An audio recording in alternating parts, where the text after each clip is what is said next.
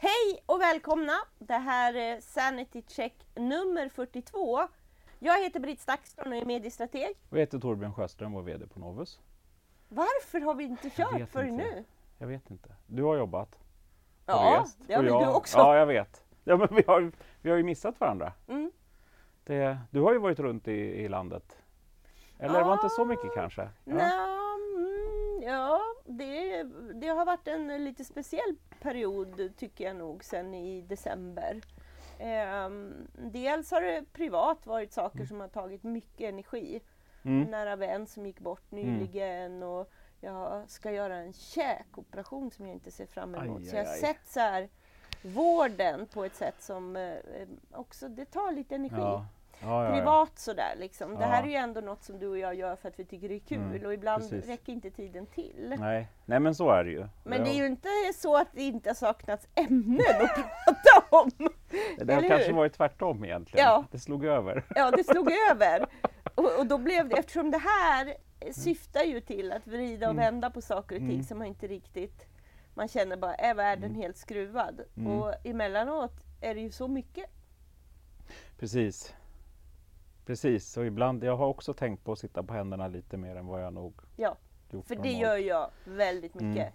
Eh, sen skriver jag ju på en bok just nu så Mm. att jag är ju väldigt reflekterande Ja, ja, ja. överhuvudtaget och håller mig lite utanför saker och ting. Lite studerar. Ja, ja vad spännande. Mm. Så den, den pressen finns ju där också. Så det är, det är mycket som kräver tankeverksamhet. Men det är Mm. himla kul att vara här nu. Mm. Ja, men detsamma. Så Det vad vill du ta upp? Ja, var ska vi börja? Det är ju EU-val snart. Jag Ja, vet inte riktigt vad man ska säga om det egentligen. Men det, det hade jag något seminarium igår med, med, med EU-ministern och EU-kommissionen. Det var väldigt intressant. Men det är också väldigt, väldigt fascinerande för då blir det po- politiska perspektivet som är det liksom, ja men det är klart EU är bra, det är klart att man ska rösta sansat och vi ska och så. Mm. Och så har vi väljarna som knappt vet vad EU är till för.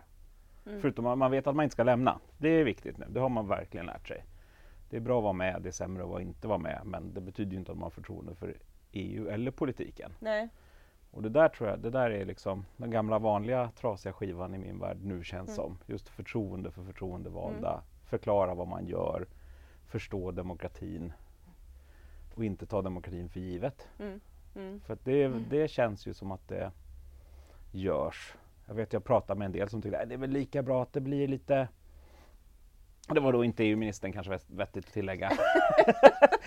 Helt annat samtal. Men så, nej, men det är väl nog bra om, om SD får köra ett tag för då händer det lite grejer. Även om det blir lite för mycket så är det bättre att det blir så än ingenting. Och just den här förväntan på förändring i kontrast till, till snack är nog någonting som driver väldigt många just nu. Och sen att man kanske inte tror att det är riktigt på riktigt ändå. Nej. Alla det- Trump liksom. Ja, men det där är, Mm. det tror jag är väldigt sant att man hör ännu mer bubblandet av att det är väl ganska nyttigt med det här, Mm. vända upp och ner på Mm. allt Mm. eh, som man då upplever att, eh, att SD ett all gör på Mm. något sätt. Att det är Ja, men en, en, en bra... så här- skaka om lite. Ja, skaka om lite. Peta precis. så här, näs... Vad heter Mm. det? Näs... Ja, ja men exakt, knäpp på näsan. knäpp Ja, på precis. näsan. Eh, och så. Men eh, vad, vad fick ni höra? Det låter ju jätteaktuellt ändå i, på Nej, det jag, seminariet. jag vet inte, vi fick inte väl höra, det var vi som pratade. Så att, Ja. men det, och det var väl egentligen liksom EUs processer och, och, och alltså just men vad kommer vi förvänta oss, vad kommer det bli om Brexit och kommer England verkligen att lämna? Jag tror ju fortfarande, även om det kommer lite i mina ögon extremt oseriösa undersökningar som visar att Brexit-stödet i England fortfarande är lika stort nu som vid valet. Och det tror inte jag en sekund på. Det, I sådana fall, den enda ursäkten skulle vara för att man alla håller på och töntar sig så mycket så det är inte värt att rösta alls. Stödet för Brexit Ja skulle vara var, lika ja, stort. men det var en av de här Ja, undersökningarna jag inte vill inte, nämna. Nej. Nej, precis. Och det är ju helt, det är ju, men är det en självrekryterad panel så drar det ju Mm. till sig liksom extremerna och då kan det ju se ut så. Men jag eh, skulle vara jätteförvånad. Men det jag ju fortfarande egentligen inte förstår, och det i och för sig kan man ju reflektera lite till. Det var ju knappt varannan som röstade. Mm. Valdeltagandet bland de som ville stanna gick ner. Eh, alltså var lägre än de som ville lämna. Apropå aktivister, det har vi ju pratat om tidigare också. Ja. Aktivisterna mobiliseras och särskilt om det då är någon konfliktfråga, Mm. mycket smuts och skräp Mm. i det som gör att ja, men det är de som verkligen bryr sig. Det såg man i England, kring, USA också kring Trump-valet. Men är det då folkviljan? Mm. Om man har ett så pass lågt valdeltagande Mm.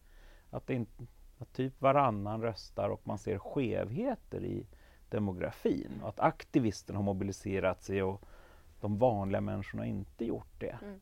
När en folkomröstning faktiskt bara är rådgivande. Var det, i Sve- det var den ju i England också. Mm.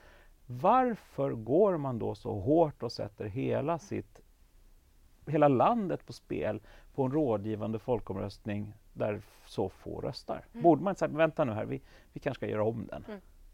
Men det är ju Ja. det här starka vokala. Ja. Eh, alltså att det är eh, de som har ett intresse av att engagera sig för en fråga. Mm. Det blir så väldigt eh, styrande och rådande. Eh, Precis. och, och det är ju mm, alltså på en st- strukturell nivå jätteviktigt att beakta, att förstå och också en läxa till var och en i allmänheten på Mm. något sätt att faktiskt agera och inte bara lojt. Ja.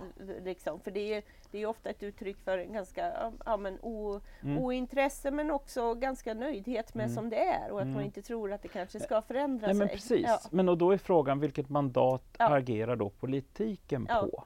Alltså då skulle man kanske som en, poli- en, en, en seriös politiker och förtroendevald borde kanske säga vänta nu här, vi måste göra om den här. Mm. Eller säga att den här går, kan vi inte gå på så vi kör på det vi tror är bäst. Eller så, Ja. så blev det, man bara tog det inteckning för det. Liksom. Ja, men Ja. samtidigt som man ju egentligen inte ville göra det. Nej. Politik, politikerna ville ju inte lämna, alltså de, de sittande politikerna. Det var ju bara ett sätt att försöka ena partiet Mm. och ja, två gånger lyckades de ju göra bort sig på grund av att använda folket som någon form av internpolitik. Städmaskin. Och det är ju livsfarligt rent allmänt. Men det visar väl också hur man tar demokratin för givet, hur man tar väljarna för givet. Man glömmer sitt uppdrag.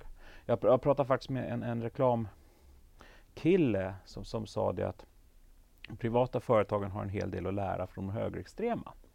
För att, och, eller liksom, eller för- förlåt, inte privata företag, privata, alltså kampanjer, kampanjer för privata företag.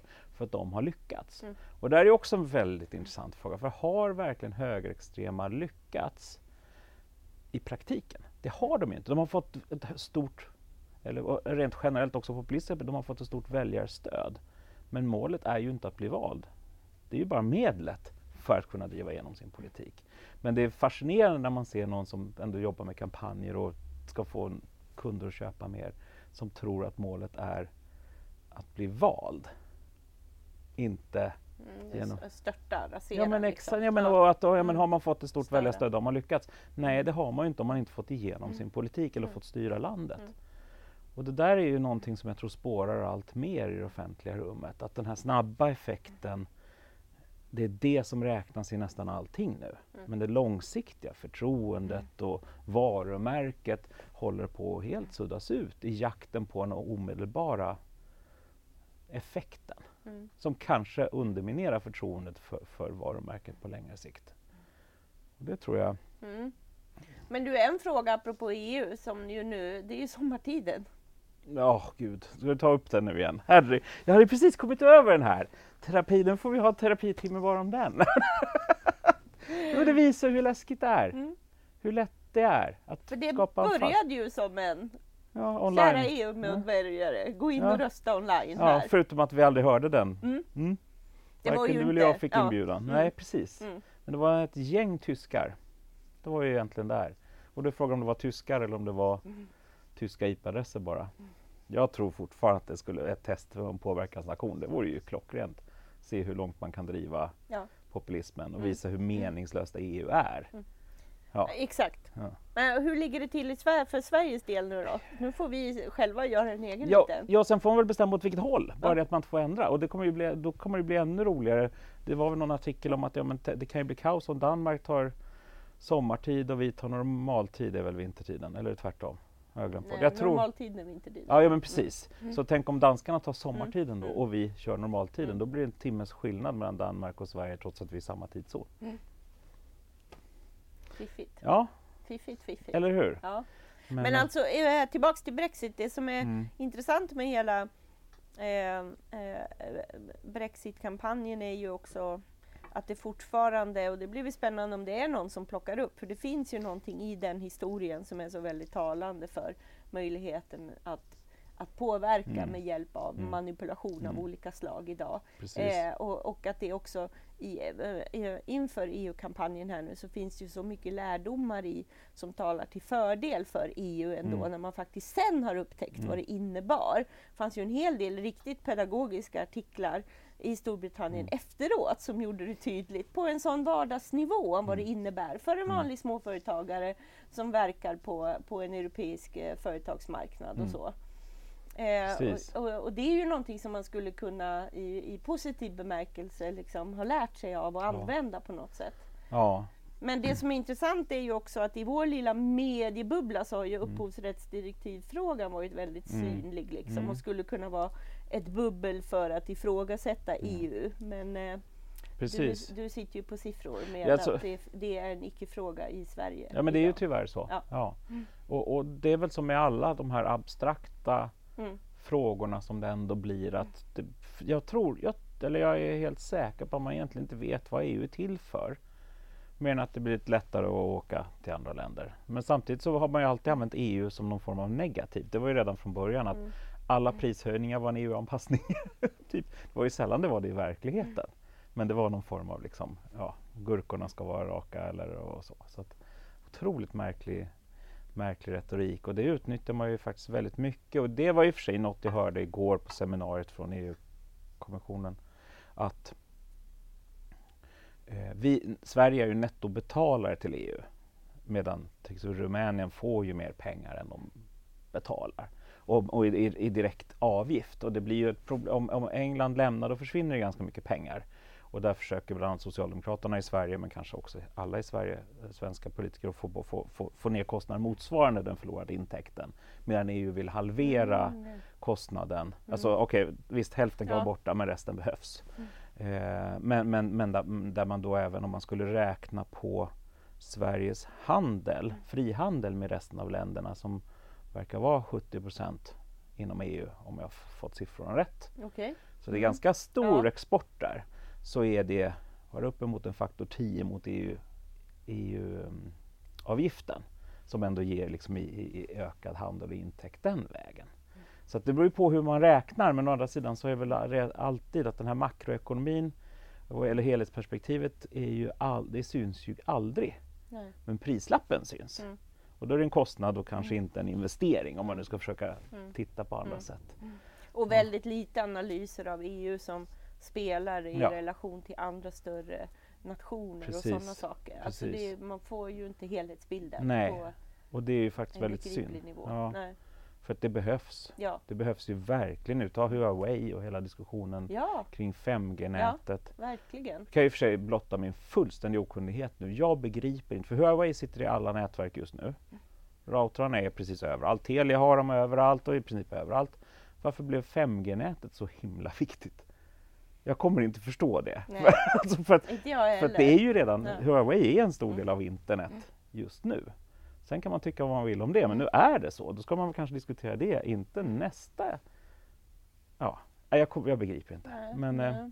ja, ja, jag får... Men jag som bara lite så spaning apropå turné runt om i landet att eh, den där frågan om eh, eh, datainsamling, det som Mm. pågår i Kina Mm. vad gäller liksom ett, ett slags svartlistande medborgarsystem där Just du får eh, ju poäng för allt. Du får Mm. sämre poäng om det. Det roligaste Mm. tycker jag är om du får sämre poäng om du köper ett spel eller något Mm. annat underhållande Mm. och bättre poäng om du köper blöjor Mm. för då är du en bra samhällsmedborgare. Mm. Eh, Ja, precis. Det, det, alltså- det är så man undrar om det där verkligen är sant. Mm. Det Hela denna Ja, kartläggning och vilka nätverk och allt det. Men Mm. det där är en fråga som eh, eh, faktiskt eh, mm, alla eh, ställer Mm. om runt om i landet, Mm. små som Mm. eh, större orter, Mm. ung som gammal. Så det Mm. finns en väldig liksom en, en ökad eh, både medvetenhet Mm. och nyfikenhet om, de vill liksom få svar på hur ser det här ut och Mm. vad tror du om framtiden kring det här och så. Just det. Och är samtidigt så bjuder vi på vår data hela tiden. Hela via- tiden. Ja. Så att Hela- liksom kopplingen Ja. däremellan. Ja, men Mm. jag, jag ändå lite att det finns en, en större reflektion Mm. över eh, det är ju verkligen att den här internet-backlashen på något sätt Mm. också har lett till en internetreflektion Mm. över ett mer sparsamt användande eller de två fantastiska 14-åringarna som jag nästan höll på att skugga fortsatt i en tunnelbaneresa. Jag åkte två stationer längre Okej. men mer Ja, ja. orkade jag Ja. inte göra. Nej. Och deras konversation Ja, började okej. om Tänk vad skönt det hade varit om vi inte hade sociala medier. Ja, ja. Jag Ja, förstår ju att Ja. man ville höra mer om det. ja, ja verkligen. Eh, och, och det handlade ju om att de tyckte att det var skitjobbigt att behöva snappa hela tiden och, Mm. och be, spela Mm. upp den här bilden Mm.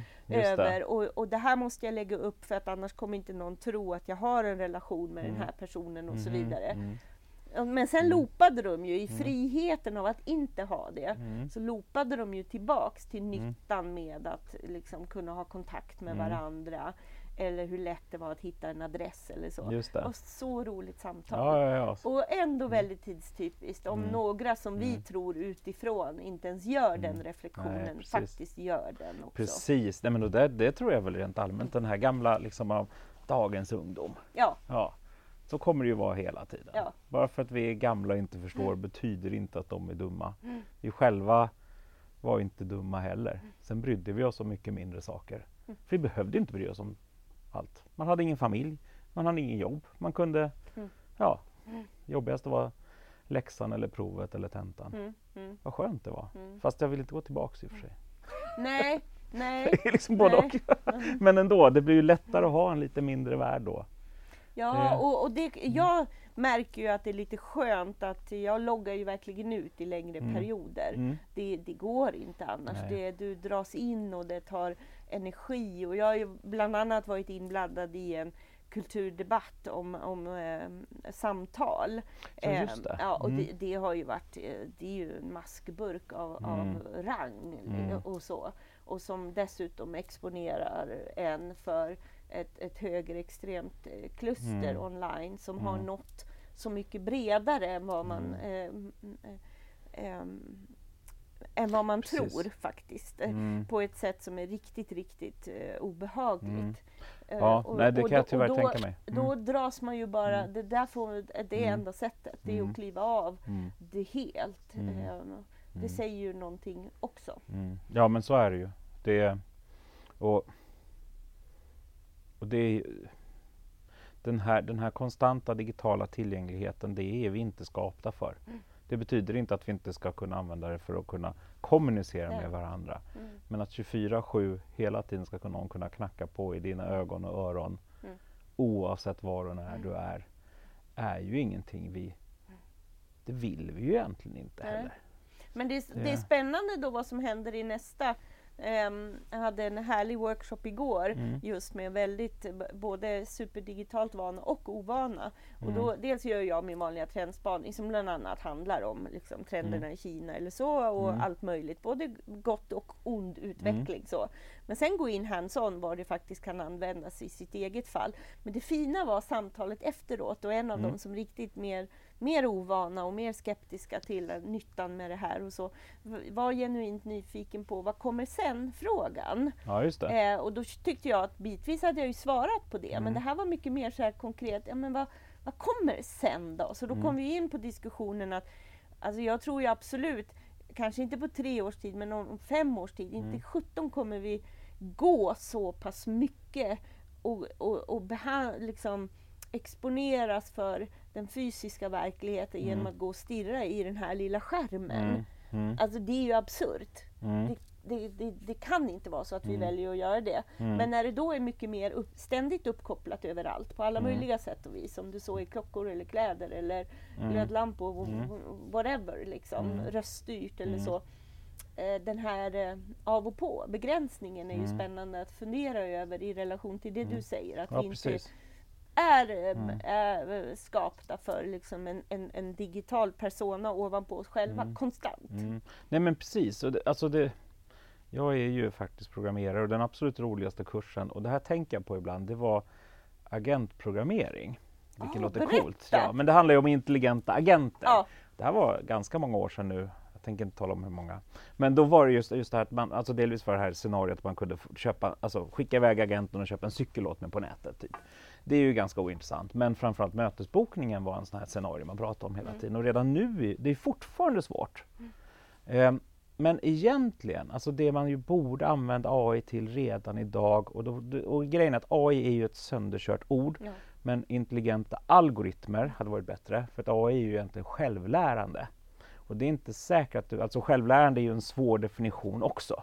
Liksom, är det ett eget liv eller är det bara att den inte gör fel varje gång? Liksom det, det Och en- den mm. startar väl inte punkt noll? Det måste ju vara Mm. en smart människas hjärna som har ställt en fråga, väl? Ja, men och sen är ju den påverkansbar hela tiden. Och det Ja. är liksom ett exempel i den här Microsoft Twitter-bot som helt plötsligt blev Mm. ja, sexistisk och Ja. högerextrem bara för det var det som funkade bäst. Mm, mm. Och, och då har det ju liksom, och det där är ju alltid en fara. Men säg att man bara tänker att ett smart, alltså ett, något, ett smartare, en smartare algoritm som faktiskt kan, som, som utgår från, från mina kommunikationsmönster, som faktiskt kan tidsstyra åt mig.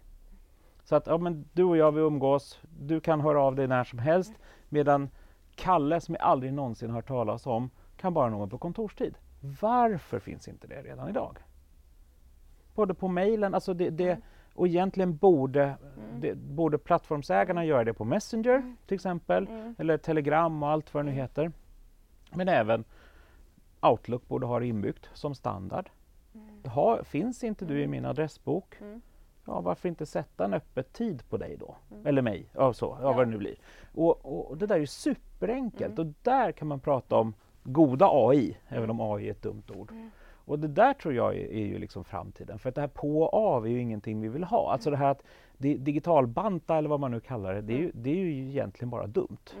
Mm. Det är ju det är ungefär som att säga men jag ska aldrig mer läsa tidningen. Ja, gud ja, precis. Så att, och, men att, att man tror att det är, men det är ju för att det är människor som inte förstår tekniken som går Mm. från det här, eller som gör en titta jag har köpt en dum telefon, kolla vad cool jag är. Mm. ja.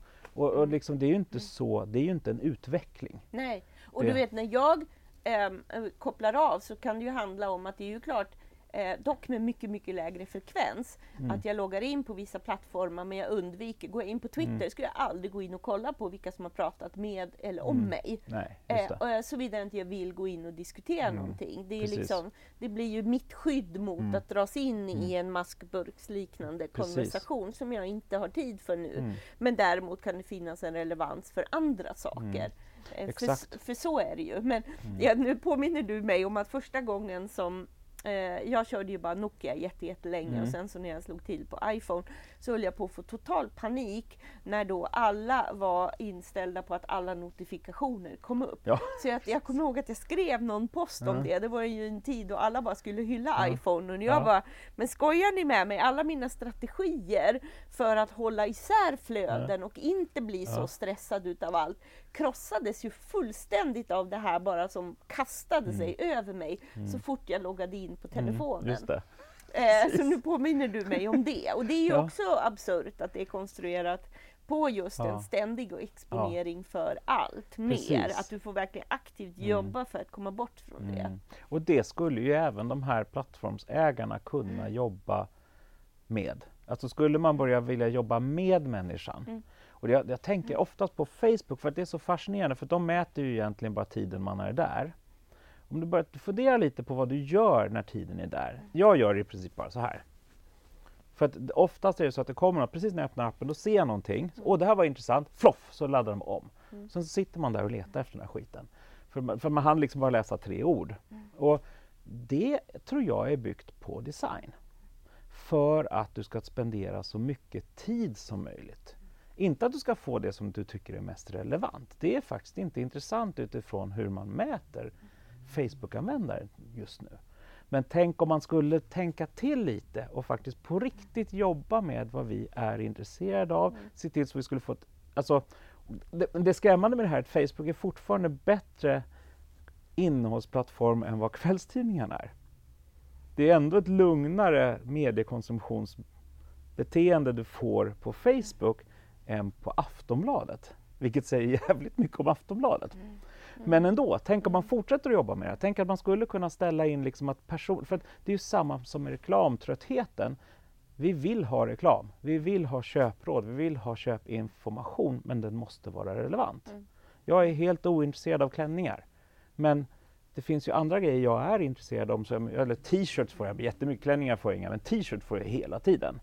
Det är som att det ser ut som min, min Facebook ser ut som TV-shop för t-shirts, jag begriper inte varför. Aldrig köpt en t-shirt på Facebook. Liksom. Så här roliga bilder, alltså med roliga texter på. Liksom. Mm. Det är det jag får jättemycket. Det är nog dina kepsar med slogans. Ja men kanske, men då, det, det visar ju också fel det är. Ja, verkligen. Ja. Så att det är liksom, Ja. men tänk om det Men hade det, varit... Ja. alltså det här med också i relation till nyhetssajter och så, att verkligen komma in och få på något sätt eh, fortsätta där jag var. Mm, ja men precis. Eh, och också liksom en Mm. mycket bättre exponering för den kontinuerliga, kontinuerliga bevakningen som finns inom vissa ämnesområden och allt det där. precis. Där är vi ju inte alls än. Liksom. Nej, nej verkligen inte. Och jag har tänkt på det, jag är så jäkla trött på Elon Musk nu. För att jag tror, jag har märkt det, Facebook tror att jag äger en Tesla för jag har skrivit så mycket om elbilar. Men jag har skrivit inte om elbilar utifrån, jag, jag, jag förordar kollektivtrafiken framför att köpa en ny bil. Mm. För att det är det absolut mest miljövänliga. Det är liksom, och energimässigt mest miljövänliga. För då delar vi ju på energin som Mm. det tar att transportera sig. Men det har fått Facebook att tro att jag äger en Tesla. Och det är otroligt provocerande. Google tror också att jag äger en Tesla, tror jag. Så att det är om Elon Musk hela tiden. Jag vet inte riktigt hur jag ska komma ur här. Det är skitjobb. Jag är så trött på karln. Det är ju något fel på honom. Jag orkar inte. Men det visar också hur AI, eller det här, algoritmerna är helt knäppa. Ja. Ja, Det är liksom, och så dras jag ännu mer och så blir jag ännu mer provocerad. Så att det, är liksom, det blir en rundgång. Ja. Men du, Ja. apropå AI, jag var ju på ett spännande seminarium i, i eh, Finland. Mm. Eh, eh, och I samband med det så, så gjorde jag research och så stötte jag på deras jättetydliga AI-strategi som Mm. man har i Finland. Mm. Nu tror jag väl att delvis Sverige har försökt plocka upp det. Jag har bara Mm. inte haft tid att sätta mig in Mm. i det. Men det är roligt när man kastas in i något sånt. Och då upptäckte jag ju att det där gick ut med också väldigt så grundläggande kurser för yrkesverksamma tandläkare Ja. som får gå en, eh, en, en grundläggande kurs i förståelse Mm. för AI för att börja Mm. tänka på hur skulle vi kunna använda Mm. det. Det är Mm. ju klockrent. Mm.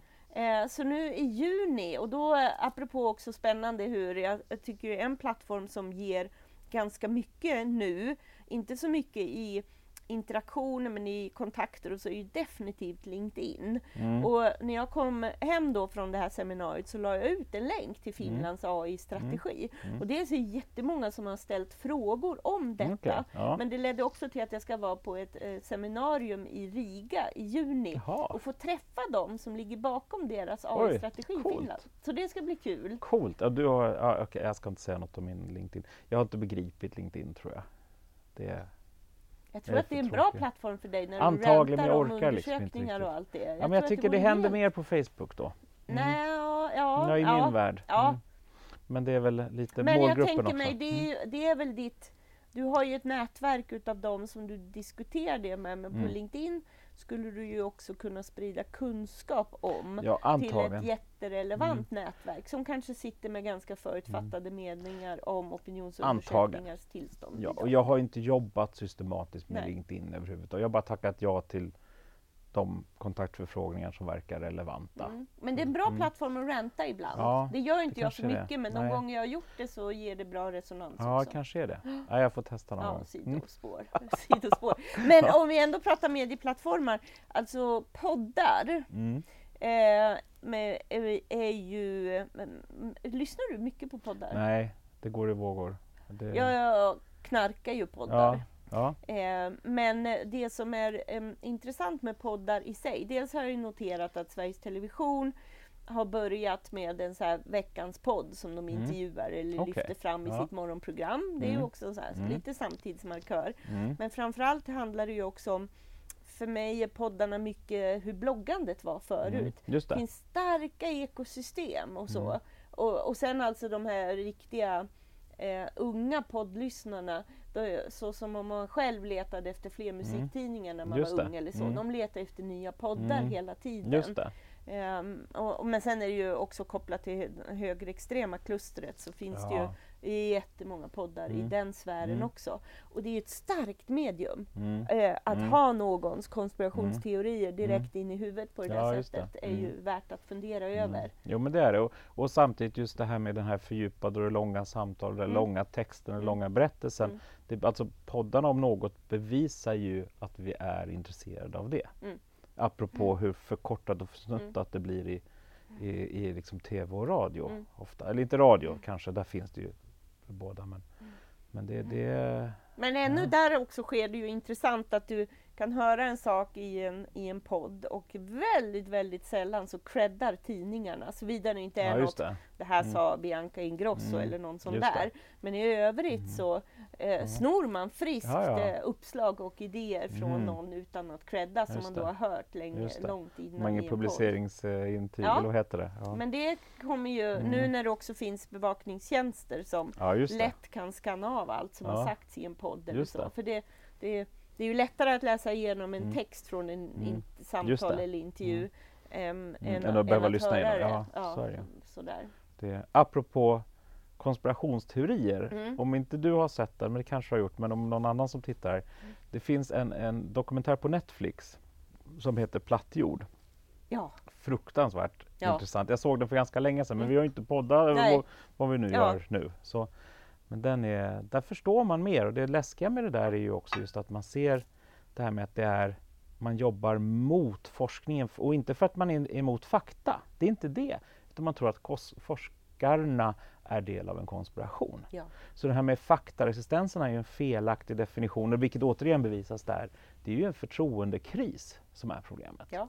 Du inte litar på avsändaren. ja. Att Och det- alltså, det, det har ju inte vi hunnit prata om. Det Nej. oroande att i början på året Mm, när man var på så här kick-offs över Mm. vad är viktiga frågor för Mm. året. mm, I, I alla sammanhang, vare sig det handlade om organisationer, företag, fackförbund, mm, om man skulle spana över vad har vi framför oss under året, Mm. så var en av de högst mm. rankade utmaningarna var Mm. faktaresistensen. Ja. Och förstår du om man Mm. kommer ut i ett Precis. sånt här defensivt läge, dels hur man ser på människor, men också Mm. att det har blivit en sån, och det tror jag är en källkritikseffekt. ja, Vi har liksom, exakt. det har bara loopat. Mm, precis. Det är, bara, det är på Mm. väg att fullständigt Mm, kraschlanda. Vi har reducerat källkritik till någon lite digitalt tricks, att vi ska Mm. veta hur vi Mm, tar reda på när en bild publicerades Mm. eller så, medan det är en sån supermarginell del utav källkritiken. Mm. Och källtilliten är bara swoosh! Ja men exakt, för det är ju den som är viktig. Och där Ja. gjorde man ju en, man tog en genväg genom att prata om källkritik. Ja. För man tog sitt eget förtroende för givet. Så att när DN till exempel säger att ja, men ni måste vara källkritiska, då menar de ju för andra än oss. För oss kan man ju lita på. Mm. Men det är ju inte det som händer. Nej. Det betyder ju misstro allt. Mm. Och det är ju där som faktiskt, som du säger, faktaresistens, som jag, vill, jag gillar inte det ordet, jag hatar Nej. det ordet för det leder faktiskt tanken fel. Det betyder att läsaren är en idiot. Mm. Och det är Precis. inte sant. Det är snarare tvärtom. Det är avsändaren som ser ut som en idiot. Mm. Och det där är sjukt farligt. Mm. För att det är som du säger, källtilliten är det, men då, må, då måste du jobba på förtroendespektrumet. Ja. Och där, jag, nu var det Martin Schori sist när du och jag var med som sa att "Ja, men vadå, det, förtroende är inte så viktigt sa han ju. Och det där, där visar ju precis hur man inte förstår överhuvudtaget vad en publicists roll är. Nej, men Ja. också att man behöver prata om i det breda spektrat om vad som skiljer åsikter från fakta. Mm. Eh, Vad finns det för fakta att hämta hem? Vad finns det Mm. för forskning att hämta hem? Mm. Och börja definiera för sig själv. Vad har jag tillit till? Och det Mm. kommer ju handla om medier, det kommer Mm. handla om personer, det kommer handla om institutioner. Men det är jätteallvarligt hur långt Mm. den där Exakt. Källkritiken har Mm. gått till. Det är både ung och gammal som gömmer sig Mm. bakom att ifrågasätta allt. Mm. Ja men precis, och det blir enklare. Och, och inte nog med det, om man nu säger som ett, ett mediehus att man faktiskt tror att man har en affärsidé i framtiden, det borde de göra tycker jag. Men om vi nu säger att de, vi, de har tydligen inte det alltid fullt ut, men ändå. Så blir det fel att säga att man ska ifrågasätta allt. För att det innebär nästa steg blir att man slutar att konsumera information, för det tar för mycket tid. Det är liksom vårt, vi letar efter auktoriteter, vi letar efter sådana vi litar på. Det är de vi lyssnar med och pratar med. Lyssnar på och pratar med. Och om man då inte bejakar den funktionen, liksom värdet av förtroendet för avsändaren och trycker ner åsikterna, för åsikterna har inte där att göra. Och det är ju ett annat problem i det här. Att I en nyhet är inte åsikten intressant. Faktiskt. Analys kan vara viktigt, förklaring kan vara viktigt, men åsikten är ju bara ett redaktionellt trick för att försöka skapa lite nerv. Den här liksom mannen på stan. Men, den är, men när mannen på stan är en, den proffstyckaren som är, sitter i varenda tv och radio eh, så har du slagit sönder skillnaden mellan fakta och åsikt. Och då blir ju fakta, och då kommer den här liksom misstron mot allt. Mm. Nej, vi kan inte lyssna på honom för han är höger, eller vi kan inte lyssna på henne för hon är vänster och så vidare. Och då har man ju redan, då, har, då, då blir in- individen likställt med vad som sägs för att åsikterna är så starkt färgade. Och det där måste vi sluta med. Det går inte annars. Ja, och, det, och, och, och det, det, det måste ju också kopplas till alla som har eh, jobbar med eh, liksom förtroendeinstitutioner Mm. generellt också som, som eh, startar ifrån ett sådant underläge och börjar nästan om från början Mm. på ett sätt som är eh, väldigt destruktivt. Precis. Apropå på förtroende så hörde jag nu att enligt senaste eh, SOM-undersökningen så har polisen det högsta förtroendet någonsin. Tror du på det? nej, men på, på riktigt. Alltså det betyder, inte att inte, det betyder inte att undersökningen är fel, men det betyder sannolikt att vi pratar om relativa förtroende. För då får frågan, vad, vad har du för förtroende för staten? Vad har du för förtroende för polisen? Vad har du för förtroende för posten? Vad för, alltså så vidare. Jag har inte koll på exakt vad de frågar om.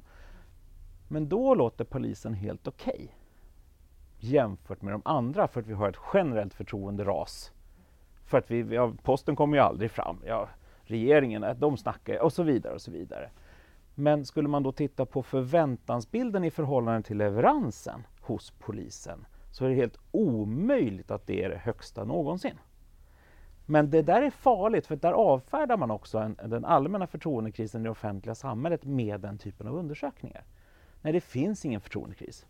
Det är liksom, och även kring politikerna. Men förtroendet för politiken är fortfarande lika högt som tidigare. Ja, för att bankerna har ju gått åt pipan, alltså och så vidare.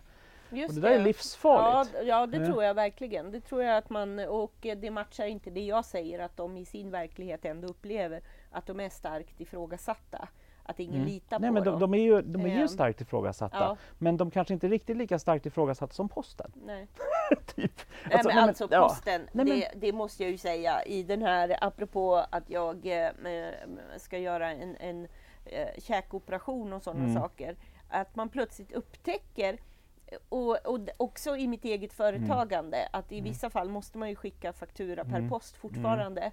Vet du hur många gånger de kommer bort? Ja, Och vet vara, du mm, att när någon säger men nu måste du fakturera och jag Mm. bara ja, det har jag gjort för länge sedan. Mm. Svaret kommer direkt att det är Mm. borta med Mm. posten. Och det var ju i, i läkarsammanhang så är det alltså vid tre tillfällen då remisser har skickats Mm. och de vägrar göra det på något annat Mm. sätt än att det skickas Mm. per post. Och precis, då räknar man med ledtider på sju dagar. Mm, Vi pratar 2019. Vet du hur många gånger jag har skrikit om att Mm. jag kan lika gärna gå man gående med den eller det hade gått snabbare om det hade varit en droska Ja, 1850. precis. Nej men det har, det har ju spårat något. Det, har ju Spårat? alltså, det är något så och det, det är det som är så konstigt för jag raljerade över någon som sa men nu ska jag börja skicka lite. För, för, för det första, man får inte skicka aktiva GPSer på posten för det är faktiskt ett brott. Bara så att ingen får några idéer. Ja. Eh, Men om vi struntar i den lilla detaljen, Mm. för att du får inte ha aktiv elektronik i brev på grund av brandrisk och annat, antagligen störningar säkert. Men, men det var någon som sa, men jag ska göra det här lite för att se vad som händer. Och då hade jag statistik på hur många brev som faktiskt kom bort. Men, ja, lycka till med det, du behöver skicka typ 50 000 brev. Det måste ha fullständigt...